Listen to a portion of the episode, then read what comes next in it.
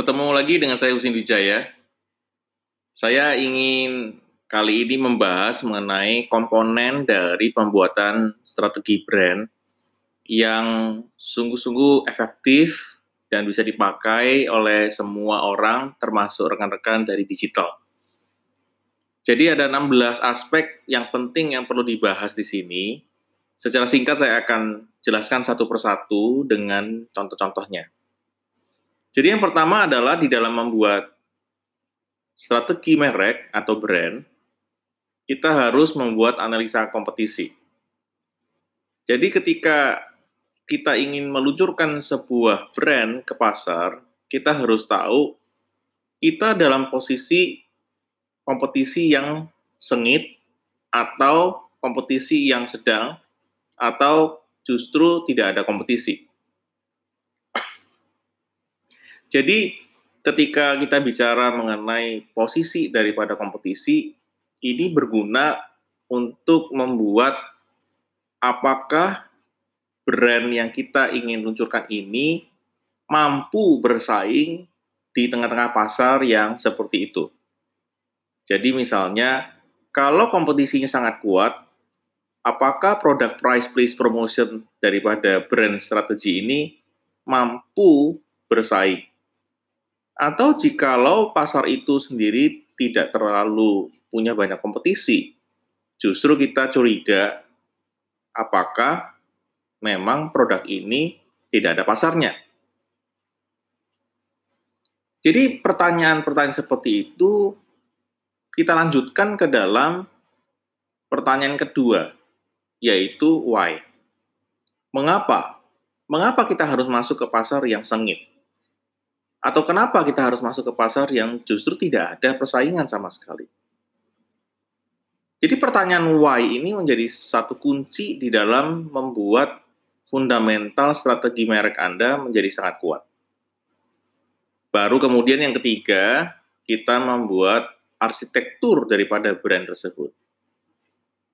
Apakah merek itu bisa dijadikan brand extensions atau bisakah menjadi sebuah merek yang berdiri sendiri atau menjadi pelengkap daripada kelompok brand yang sudah ada di dalam perusahaan Anda. Jadi brand arsitektur harus dibuat untuk melihat kekuatan dan di mana letak daripada brand tersebut bisa saling mengisi. Baru kemudian yang keempat kita memikirkan tentang elemen-elemen dari kreativitasnya. Jadi kita membuat mulai aspek-aspek yang berkaitan dengan uh, semua hal yang berkaitan dengan logo barangkali, dengan tipografi, image, tone, verbal, dan seterusnya. Kemudian yang kelima, kita mulai memikirkan tentang positioning. Jadi posisi daripada merek ini harus menjadi sesuatu yang tepat, yang unik barangkali. Hal ini berguna nanti untuk masuk ke aspek yang keenam, yaitu tentang brand promise atau janji daripada merek. Nah, janji daripada merek ini sebenarnya nanti bisa dipakai sebagai reason to believe. Aspek ketujuh daripada strategi merek adalah reason to believe. Mengapa kita perlu membuat reason to believe? Karena hari ini kita sangat kesulitan, kesulitan sekali mendapatkan diferensiasi, sehingga kita kadang-kadang suka nyeleneh bikin diferensiasi yang sebenarnya tidak dibutuhkan kita perlu alasan untuk dipercaya. Yang kedelapan adalah kita mulai melihat peluang pasar. Kita lihat data, kita berusaha untuk melakukan survei, kita berusaha untuk datang ke pasar yang menjadi target market kita, melakukan FGD, dan seterusnya, dan seterusnya. Sehingga akhirnya kita mendapatkan aspek yang kesembilan, yaitu consumer insights. Nah, di dalam consumer insights ini, nanti kita akan mendapatkan berbagai aspek penting, kelemahan dan kekuatan yang perlu kita pelajari dan kita jadikan sebuah kata kunci. Jadi aspek yang ke-10 daripada strategi merek adalah kata kunci, tagline. Yang perlu kita sampaikan ke dalam komunikasi pemasaran. Yang ke-11 dan yang ke-12 mirip tetapi tidak sama, yaitu karakter dan personality.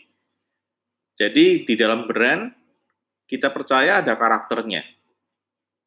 Jadi karakter daripada brand itu ya sungguh dapat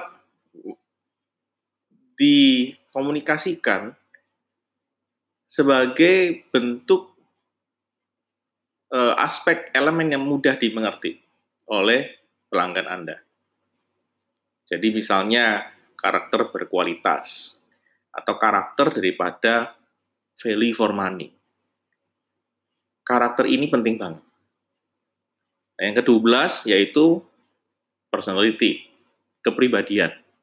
Apakah produk ini adalah produk modern yang punya kepribadian lifestyle yang kita sebut dengan urban lifestyle atau justru ini adalah back to basic. Satu kepribadian yang sifatnya adalah basic. Yang ke-13 kita buat roadmap. Nah, roadmap ini ada yang buat tiga tahun, ada yang buat dua tahun, ada yang buat satu tahun. Tapi saya rasa intinya bukan masalah tahunnya, tetapi intinya adalah satu journey, satu perjalanan brand, di mana kita nanti dapat mengukur setiap langkah, setiap sekat-sekat, setiap tahap di dalam proses journey tersebut. Baru kemudian kita melihat ada halangan apa yang membuat brand ini tidak sukses. Apakah itu berkaitan dengan desain atau berkaitan dengan harga, di situlah kemudian kita membahasnya dan kita cocokkan dengan yang ke-15 ini, yaitu customer profiles. Siapa sebenarnya yang sanggup atau yang benar-benar mampu atau yang memilih produk Anda ini? Yang ke-16 yang terakhir adalah ekspresi daripada brand tersebut. Jadi brand tersebut dapat diekspresikan sebagai sesuatu yang mungkin premium, mungkin value for money, mungkin price sensitif, tetapi ekspresi ini sangat menentukan segmentasi pasar yang Anda ingin bidik. Jadi rekan-rekan sekalian, ada 16 komponen daripada strategi merek yang dapat kita pakai sehari-hari di dalam memutuskan apakah sebuah merek itu dapat masuk ke pasar dengan cepat atau tidak. Jadi, pergunakanlah semua aspek daripada elemen strategi ini untuk membuat sebuah merek yang benar-benar ampuh, efektif buat pasar Anda. Sampai jumpa eh, dengan saya Husin Wijaya. Nanti kita bertemu lagi di podcast berikutnya. Semoga Anda menikmati podcast saya dan jangan lupa untuk masuk ke LinkedIn saya Husin Wijaya dan Instagram saya Husin W. Terima kasih.